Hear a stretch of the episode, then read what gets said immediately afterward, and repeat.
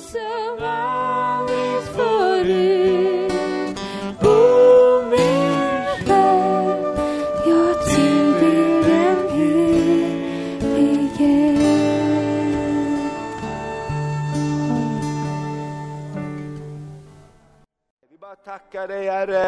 för att vi får välsigna ditt namn. Du är den högste.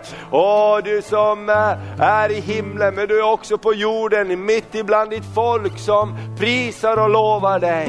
Vi tackar dig Herre, vi bara tackar dig Herre. Kom och låt ditt ord vara levande mitt ibland oss idag. Tack att ditt ord är mat för vår invärtes människa. Herre, vi behöver mat för vår, vår, vår invärtes människa, precis som vi behöver äta för att orka i det naturliga så behöver vi få mat ifrån dig. Vi behöver bli mättade av dig. Så vi ber Herre, kom och mätta oss med ditt ord idag. I Jesu namn. Amen. Underbart, varsågod och sitt. Så får vi sjunga lite till senare här. Vi har några inslag till. Jag ska bara kort dela några tankar och ord som, som kom till mig eh, när jag förberedde den här söndagen. Och så har vi glädjen att ha våra vänner från Gideoniterna här också. Ska vi lyssna till vad Herren gör genom deras arbete. Eh, vi, vi, vi ska börja med att läsa ifrån Jesaja, det tolfte kapitlet. Och rubriken idag eh, är Frälsningens källor. Amen. Vi ska ösa upp med fröjd ur frälsningens källor. Halleluja. Ibland så, så får man ett ord, ibland så kan man få som en sång som, som bara bubblar upp inom en om frälsningens källor. Och, och eh, jag bara eh, har haft det här i mitt hjärta om att vi ska få ösa vatten med fröjd ur frälsningens källor. Amen, så jag frågar Eh, i, i, i morse, Maria frågade vad ska du predika om? Ja, vad tror du, sa jag. Ja, du ska predika om frälsningens källor. Hur vet du det? Jag har ju hört att du har gått och sjungit det hela tiden. så det var inte så svårt. Men det är någonting, tror jag, att vi får ösa upp. Eh, det finns källor av liv som Gud har lagt ner i sitt ord och i livet och vi ska ösa upp där. Så vi ska läsa ifrån vers 1 till vers 3. Det är så eh, härlig härligt, kapitel, hela kapitlet, men vi ska ta bara några verser här. Och Jesaja det tolfte kapitlet från vers 1. På den dagen ska du säga, jag tackar dig Herre, du var vred på mig, men din vrede har upphört och du tröstar mig. Amen. Bara där så kan man prisa Gud en stund, eller hur? Gud är inte arg på dig. Amen, utan hans vrede har upphört och han tröstar oss. Se, Gud är min frälsning. Jag är trygg och fruktar inte. Amen. Varför kan vi vara trygga? Därför att Gud är vår frälsning. Eller hur? Vi är inte de som fixar allting själv, vi är inte de som garanterar allting. Vi har satt vårt hopp till Gud och därför kan vi vara trygga, därför han är med oss. Amen. Kan du säga till din granne, vet du om att Gud är med dig? Amen. Där Gud är med oss så kan vi vara trygga. Så fortsätter vi. Ty Herren, Herren är min starkhet och min lovsång. Amen, det är Gud som är vår starkhet och vår lovsång. Och när vi prisar honom så får vår fiende fly. När vi prisar Gud så upplever vi ny styrka från himlen.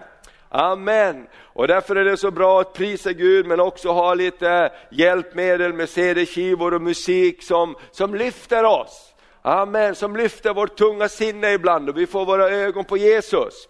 Och sen så står det den här underbara versen. Han har blivit min frälsning och med fröjd ska ni ösa vatten ur frälsningens källor. Amen, vi ska ösa upp vatten ur frälsningens källor. Och, och, och, du vet när man är törstig så är det så gott, det finns ingenting som är så gott som friskt klart vatten när man är törstig, eller hur? Och när man hittar en källa, amen, av liv, när man hittar en källa och man är ute i, i, i skogen och vandrar och, och, så hör man de porlande bäckarna och man dricker lite av det friska vattnet, man bara känner hur det bara kommer och sköljer igenom en och man får som ny, ny kraft och nytt mod. Och Bibeln säger att vi ska ösa vatten ur frälsningens källor. Och Det betyder att det finns källor som Gud har lagt ner i, i våra liv och runt omkring oss, där vi kan ösa upp frälsning. Och vad är frälsning? Det är räddning, eller hur? Frälsningens källor, det är räddningens källor. Och, och eh, när, vi, när vi blir räddade, då blir vi frälsta också. På finska så, så är pelastus och pelastaja, det betyder ordet eh, frälsning, men det är också räddare, de som jobbar i räddningstjänsten. De har samma ord på sig, de jobbar, de är liksom pelastaja, de är, de, de, de är frälsare om man ska översätta det, men man använder ju räddare, men det är samma ord. Och det var så, eh, jag hade en kompis som, som var ute eh, med en olycka, eller de hade en speciell situation, och de blev räddade med en helikopter. Det var så att hans fru var gravid och de var på en färja och ute på, på, på havet. Och så bara plötsligt så ja, gick vattnet och vad det gick och hon skulle börja föda. Och de måste hämta en räddningshelikopter. Ute på havet så kom det en kille ner i en, en vajer och en korg. Och så hissade de upp frun och körde henne till, eh, till sjukhuset. Och, och, och då så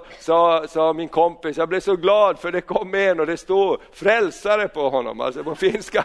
Han kom ifrån himlen och han räddade min fru och mitt barn. Det, det, finns, det finns frälsning, det finns räddning, det finns källor av frälsning. Amen, frälsningens källor.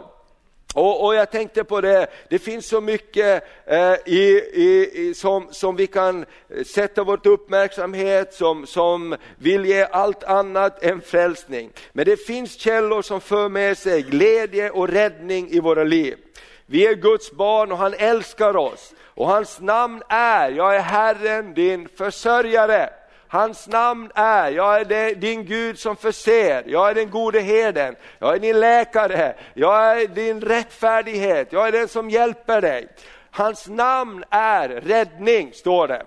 På julen, du vet när vi läser de här kända julberättelserna och, och bibelorden, så läser vi från Jesaja, hans namn är underbar i råd, fridsfurste, amen. Hans namn är frälsning för oss. Så han har en källa som vi får ösa upp ur, frälsningens källor. Och han vill förse oss på varje område av våra liv. Och vår uppgift är att komma till de här källorna. Vår uppgift är att ösa upp. Det står att ni ska ösa upp vatten med fröjd ur frälsningens källor. Det betyder att det inte bara kommer och rinner över oss, utan vi har en liten uppgift här. Söka upp källorna, ner med hinken och ösa. Amen. Idag när vi har kommit tillsammans i gudstjänsten så har du kommit till en levande källa. När du träffar dina bröder och systrar så, så kommer det nytt mod till oss. Amen. När vi prisar Gud tillsammans så kommer det ny, ny kraft till oss. När vi lyssnar på Guds ord och när vi ber så är det en källa till liv. Församlingen, det troendes gemenskap, det är en sån källa. Och när vi tar oss dit och kommer dit, då är det som vi tillsammans får ösa upp frälsningens, ur frälsningens källor. Amen. Jag, jag blev så glad över det här ordet. Ni ska ösa upp med fröjd ur frälsningens källor. Så vi har ett uppdrag här. Men det luriga är att vi har en fiende som försöker förleda oss bort ifrån källorna och försöker få oss att tro att du ska vara stark och duktig i dig själv, du ska klara dig själv. Du är bra karl, reder sig själv. Det är inget bibliskt uttryck. Det är inte från Ordspråksboken. Hallå? Det är någonting som vi bara säger och har sagt. Bibeln säger att vi ska komma till varann, vi ska söka hjälp hos varann och stötta varandra och bära varandras bördor, så uppfyller vi Kristi lag. Fienden vill föra oss bort ifrån de levande källorna. Fienden vill föra oss till usla brunnar. Och jag, jag tänkte att vi ska läsa ett annat bibelord ifrån Jesaja 55. Så, för Bibeln uppmanar oss att komma till honom. och, och få tag på de goda sakerna som han har för oss. Jesaja 55, och från vers 1 till 3 läser vi.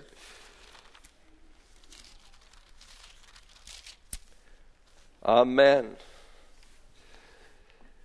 Eh, då står det så här i Jesaja 55.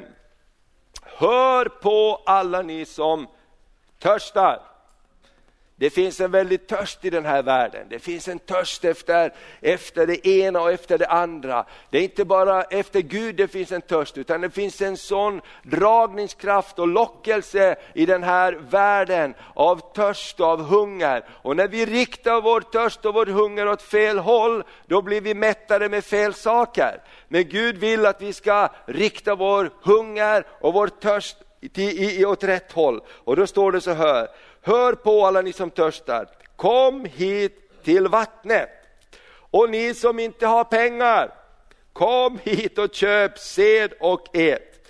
Jag kom hit och köp sed utan pengar och för intet både vin och mjölk. Tänk att till Gud kan man komma så. Han säger inte, ja men du har inga pengar, gå sist i kön och gå och skaffa dig pengar, annars blir det ingenting här. Gud säger, kom och köp utan pengar. Han är den enda instansen där man kan få komma och köpa utan pengar. Kom till mig, säger han, och köp utan pengar. Kom och köp sed och ät. Jag kom och köp sed utan pengar och förintet både vin och mjölk. Och så säger han så här, varför ger ni ut pengar för det som inte är bröd? Era inkomster för det som inte kan mätta er på djupet. Hör på mig så ska ni få äta gott och njuta av utsökt mat. Amen. Gud säger, hör på mig så ska du få äta gott. Amen. Och njuta av utsökt mat. Halleluja. Gud han är en bra kock. Amen. Gud han förbereder för oss ett bord i våra ovänners åsyn, står det i Saltaren 23. Han dukar ett bord. Amen. Gud kan mätta oss med sitt goda på ett underbart sätt. Och Gud själv säger i sitt ord, kom till mig så ska jag mätta er med mitt goda. Hör på mig så ska ni få äta gott och njuta. Böj ert öra hit och kom till mig. Hör så får er själ leva. För jag vill sluta med er ett evigt förbund och ni ska få den trofasta nåd som jag lovade David. Amen. Så kom till mig, hör på mig så ska ni få äta och dricka. Så vår uppgift, precis som Jesaja sa i kapitel 12, ni ska ösa upp med vatten ur frälsningens källor. Vi, säger Jesus, kom till mig så ska ni få äta och dricka. Och jag tror att det här är den, te, den tävlingskamp och den, den utmaning som alla av oss har, som, som, som blir utmanade och frestade av alla möjliga saker i våra liv som försöker dra oss hit och dit. Och det är så mycket som vill ta vår uppmärksamhet och mätta det här behovet och begäret vi har på insidan.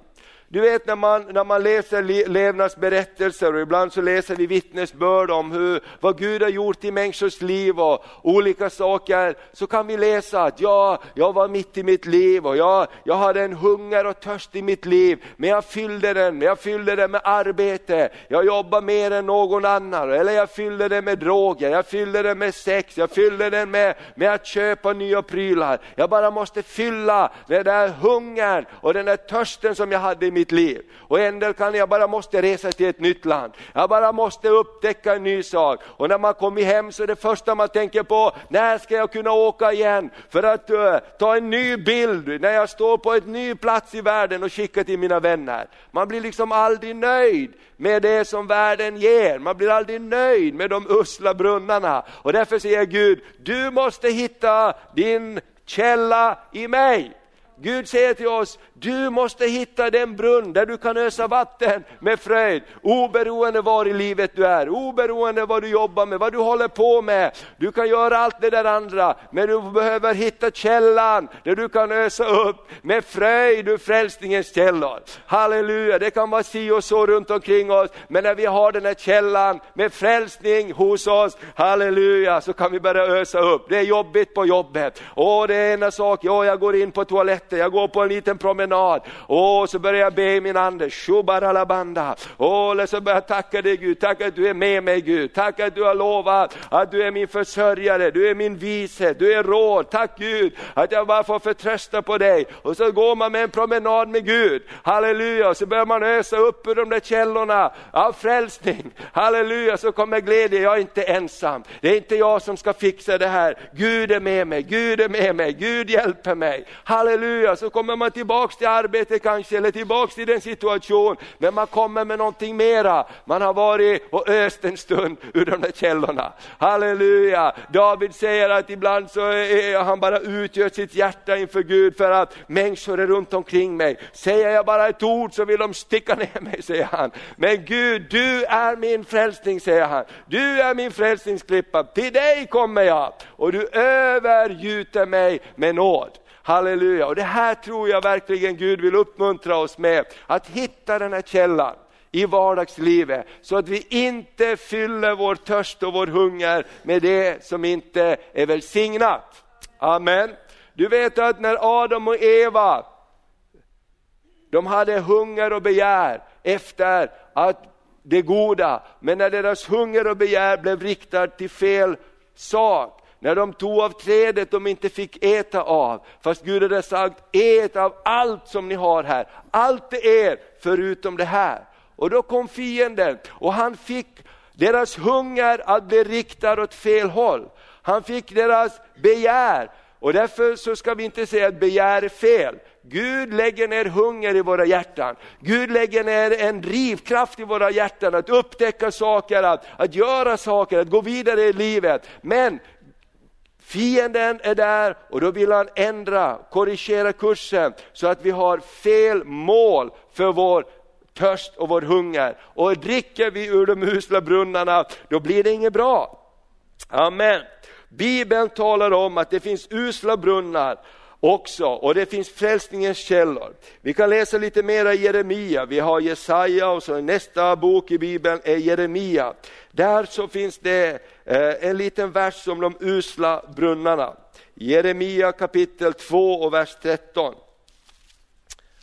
Jeremia kapitel 2 och 13.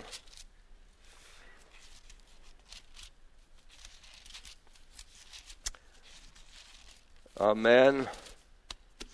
Jeremia kapitel 2, där står det om att vi inte ska gå till de usla brunnarna. Och vi, vi, det står mera om det här också i den här samma kapitlet här, men vi ska bara läsa någon vers ifrån vers 13. Eh, då står det så här. Ty mitt folk har begått en dubbel synd. De har övergett mig. Och lyssna vad han säger när han säger mig. De har övergett mig, källan med det levande vattnet. Och de har gjort sig usla brunnar som inte håller vattnet. De har gjort sig usla brunnar. Gud säger, jag är ledsen för de har övergett mig, jag som är källan med det levande vattnet. Och sen har de gjort sig usla brunnar som inte håller vatten. Och jag vet inte hur det är med dig, men jag kan uppleva det i mitt liv. Det är så lätt att skapa sig eh, falsk trygghet i usla brunnar. När Gud säger, låt mig vara din trygghet. När Gud säger, låt mig vara den levande källan i ditt liv. Amen. Så försöker vi, det finns någonting hos oss, det är den gamle Adam. Du hörde i veckan här, du som tittar på kanal 10, att eh, han, eh, eh Lennart Åsberg, han pålyste en CD-skiva av Hans Augustsson från Josua eh, Center som har varit här också, som, som, som hette Slakta grisen. Stryp grisen. Stryp grisen. Och det handlar om den gamla människan, den gamla naturen som alltid vill gå åt fel håll. Den vill alltid äta ur de eh, felaktiga platserna och så vidare. Och den där grisen har vi ju med oss hela tiden. Och han nöjer sig inte med de fina brunnarna, utan han vill ner och gegga i smutsen. Eller hur? Det är därför eh, de säger, eh, ett tvage, det hjälper inte att tvätta en gris om man har det ute i en svinstia, för när den är ren så bara första det gör så vill den eh, rulla sig igen en stund i, i, i, i svinstian, helt enkelt. Vi hade när vi bodde i Finland, en av grannarna där hade grisar på lösdrift. Och det var ju precis så, då hade de ett dike där och då, då man undrade varför vill ni gå dit i geggamojan? Och de stod där och grejade och höll på, men det kanske var något skydd för dem och de bara rullade runt i alltihopa. Men, men det är den grisen som finns också i oss.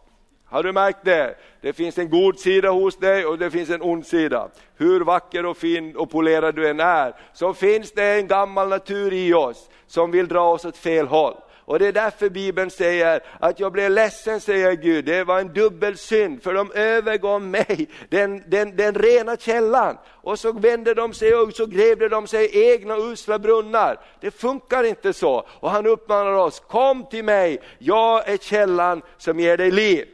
Amen. Gud vill inte att vi ska överge det friska och klara vattnet som han har berättat åt oss. Gud vill att vi ska komma till honom som är livets källa. Vi är hans barn och han har lovat att fylla våra behov enligt sin rikedom och härlighet. I Psaltaren 36 och 10 så står det, ty hos dig är livets källa, i ditt ljus så ser vi ljus. Amen. Gud är livets källa.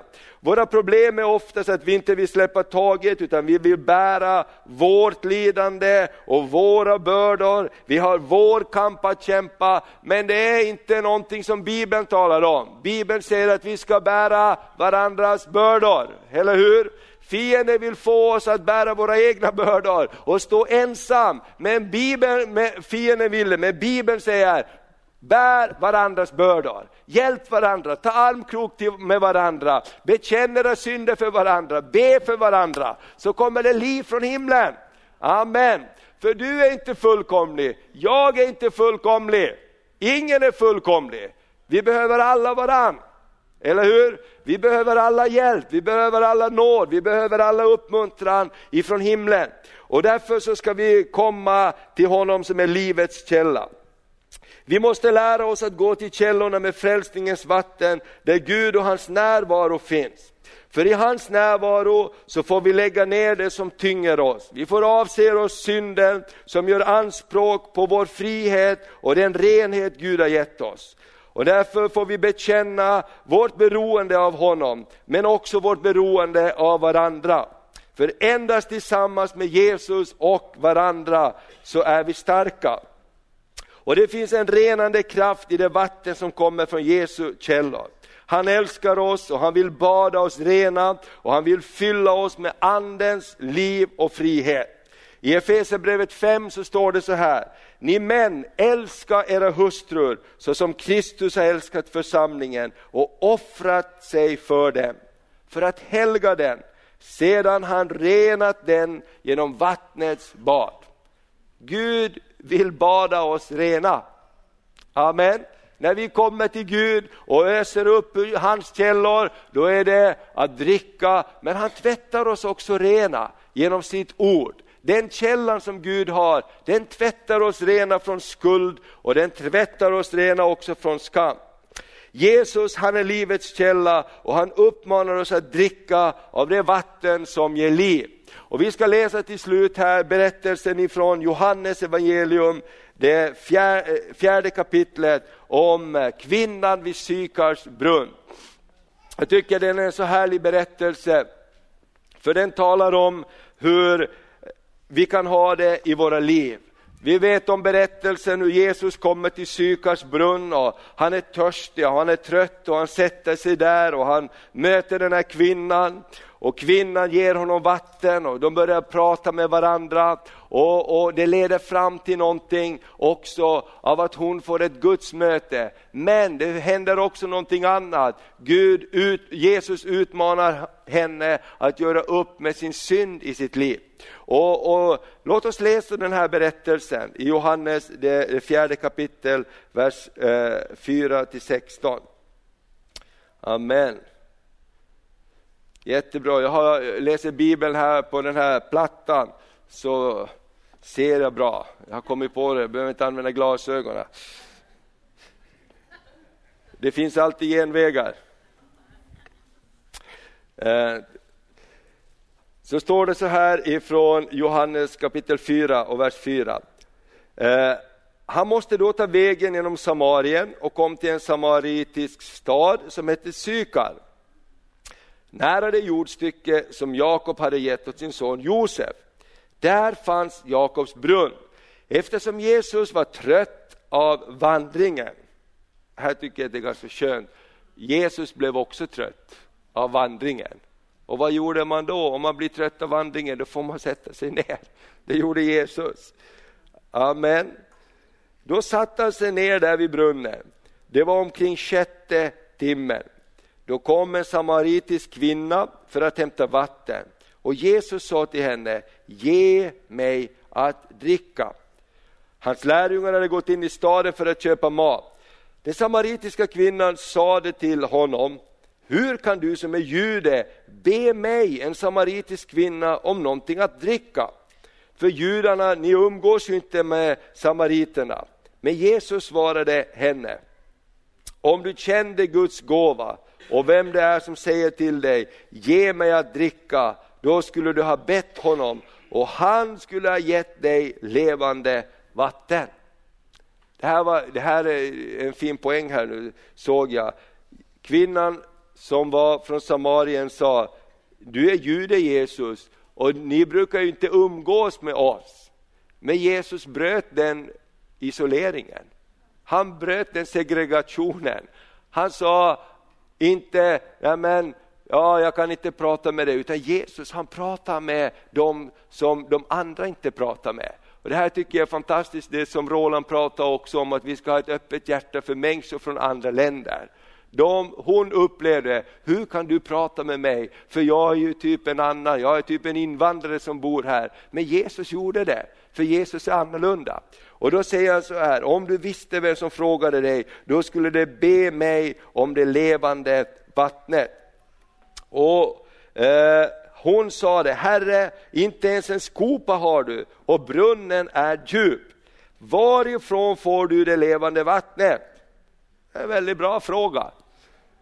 Du, Jesus pratar om levande vatten. Inte är väl du för mer än vår far Jakob som gav oss brunnen och själv drack ur den, liksom hans söner och hans boskap. Jesus svarade henne, var och en som dricker av det här vattnet blir törstig igen. Men det vatten som jag, men den som dricker av det vatten jag ger honom ska aldrig någonsin törsta. Det vatten jag ger ska i honom bli en källa som flödar fram och ger evigt liv. Kvinnan sa till honom, Herre, ge mig det vattnet så att jag inte blir törstig och behöver gå hit och hämta vatten.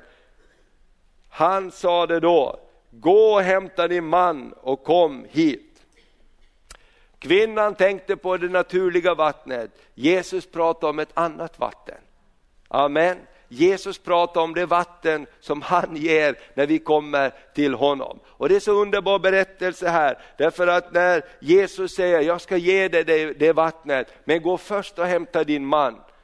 Och vi vet, vi som har läst historien här, vi vet att hon hade haft eh, fem män och den man hon nu levde med var inte hennes man. Hon levde i ett dåligt förhållande, hon levde inte som man ska leva. Men Jesus dömde inte henne utan hon sa, gå och hämta din man. Och så nystades allt det här upp hennes liv. Och Jesus är inte där för att slå ner henne, utan Jesus talar liv till henne. Och frälsning kommer till hela eh, eh, den här staden som hon kommer, för hon springer in i stan och säger, jag har funnit en som har talat om för mig sanningen. Jag har funnit en som inte har fördömt mig och tryckt ner mig. Jag har funnit en som har gett mig liv och hopp igen. Kom och lyssna till honom.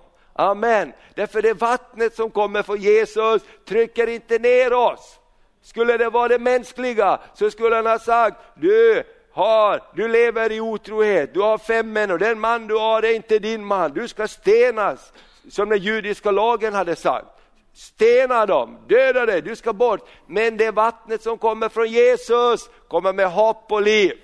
Amen. Och säger omvänd dig från det som inte är bra. Vänd dig bort ifrån den där källan av orenhet och otukt som du har levt i och kom till mig och drick av mitt vatten. Så får du rening i ditt liv, så får du nytt hopp. Och det står att kvinnan, hela hennes liv förvandlas och, och, och, och, Jesus han får komma med hopp till, till den här staden som han satt utanför. Och när hans äh, lärjungar kommer tillbaks, för de har han skickat in för att köpa mat, så när de kommer tillbaks så, så är han inte hungrig längre. Och så frågar de, vem har gett dig mat?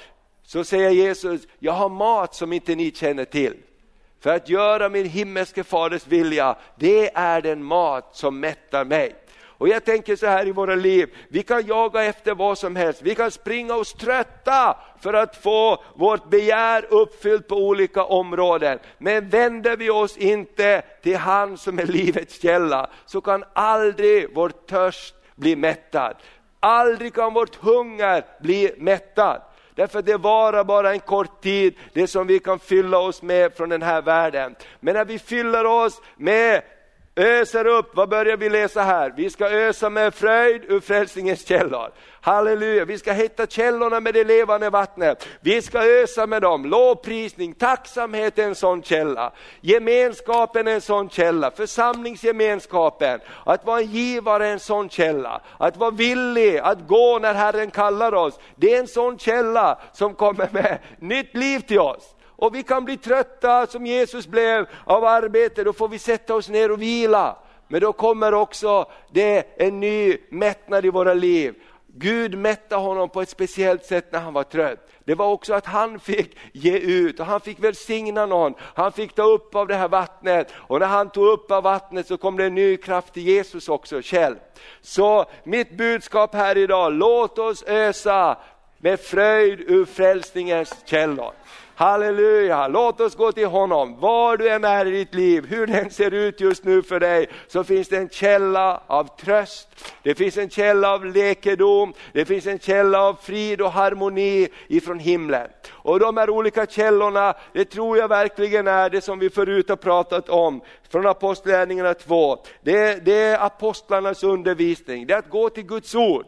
Det är en källa. Gud har gett oss tröst i sitt ord. Det är, det är bönerna, att vara med och be tillsammans och vara med i en hemgrupp eller vara med och be för varandra. Någonting bra händer när vi ber för varandra. Amen. Gud hjälper den du ber för och Gud hjälper den som ber, för man blir glad när man ber för någon annan. Eller hur? Här när vi hade förbön så började Börje Claesson som leder kanal 10, han hade sån, så det var mycket press på honom och han hade som hjärtklappning och rusning och bara svetten rann ibland. Och, och så gick han in i bönerummet där, därför det var fyllt av förebedjare och så bad de för honom. Och han sa, jag bara kände någonting bara sköljde över mig. Jag bara fick som ny kraft och han bara sa flera gånger.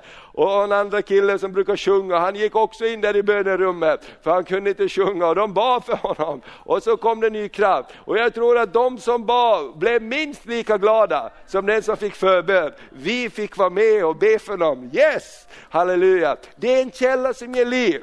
Att prisa Gud också, sätta på lovsångsmusik hemma i sitt hem, det är också en bra källa.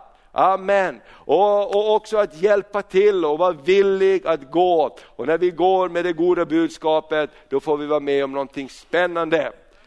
Hasse sa här, vi brukar säga, säg alltid ja när du kan säga ja. Villighet öppnar nya dörrar. Den här veckan som vi har varit med om, det har, det har varit en sån vecka som vi har fått vara med om därför att vi har sagt ja. Amen. Vi vet inte riktigt hur, men vi säger ja. Vi tar en risk. Vi säger ja. Vi vill vara villiga att hjälpa till och då får man vara med om spännande äventyr. Så låt oss ösa med fröjd ur frälsningens källor. Kristendomen är ett gott budskap. Amen. Evangelium är de glada nyheterna. Amen. Jesus var, står det, smord med glädjens olja. Så när vi kommer till honom så låt oss ösa med fröjd. Han är inte arg på dig, han dömer inte dig, men han vill att du ska ösa ur frälsningens källor. Amen. Ska vi be tillsammans? Jesus, jag bara tackar dig för den här dagen. Jag tackar dig Jesus för att vi får äta av ditt ord och jag tackar dig att du kommer med tröst och hjälp och du hjälper oss att få fokus åt rätt håll. Du hjälper oss att rikta våra, våra begär och vår hunger och vår törst till rätt destination. För du vill ge oss av livets källa, du är livets källa. Och förlåt oss Herre när vi har grävt, grävt oss usla brunnar, när vi har försökt fixa vårt eget, när vi har fixat till våra egna brunnar och glömt att det är du som är livets källa.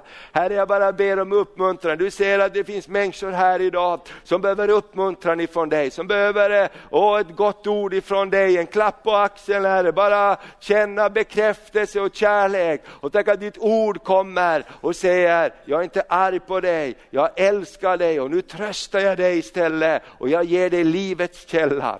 Herre, vi bara prisar dig för det. I Jesu namn, i Jesu namn. Amen. Efter gudstjänsten här också när vi har slutat så vill vi be tillsammans med dig. Vi har ett bönerum där inne och vi kan be här framme. Och har du någonting som du känner att har tyngt dig så låt oss tillsammans gå till källan med liv och så öser vi upp tillsammans. Ner med hinken och så öser vi upp livets vatten. Halleluja, frälsningens källor. Amen. Gud välsigne dig. Amen. Amen. Amen. Ja, vi kan göra gideoniten. Jättetack, pastor Thomas. Då ska vi hälsa gideoniterna välkommen. Harald och Inger Gustafsson, har jag, ska jag säga rätt då eller? Ja, det gör jag. Välkommen hörni. En applåd. vill börja med att tacka för att vi får komma hit och få vara med i gudstjänstgemenskapen. Det var väldigt roligt att vara här. Hörrni, vi gideoniter har varit i den här kyrkan tidigare och jag tror att en del vet vad vi är för några, men kanske inte alla. Men vi delar ut biblar och vad betyder ett testamente? Vad betyder en sån här bibel? Låt mig berätta ett exempel som kom i vår internationella tidning. Det var så att en man hade varit ute och strulat lite. Och han hade inte strulat så dåligt utan ganska mycket och han blev haffad av polisen. Och det här det var en man som hade haft ett lite brokigt förflutet. I tonåren så hade han haft lite problem med rättvisan men sen hade han gift sig och fått barn och familj. Och det verkar ordna upp sig men han på något sätt föll tillbaka. Han hamnade i en arrestlokal, någon fängelsecell och eh, mådde inte alls bra efter vad som hade hänt. I den här lokalen så kände han oro, ångest, obehag och tyckte att livet var ju pest. Varför skulle detta behöva hända? Så råkade han fästa sin blick på en liten bok som låg där. Och han tog fram boken, han läste i den och han märkte att det var konstigt, när jag läser i boken så blir jag så lugn. Det känns så gott att läsa i den. Men sen blev det så att det blev lite rast och han skulle få lite att äta och eh, han gick ut och åt sin frukost och eh, kom tillbaka och kände på nytt obehag, oro.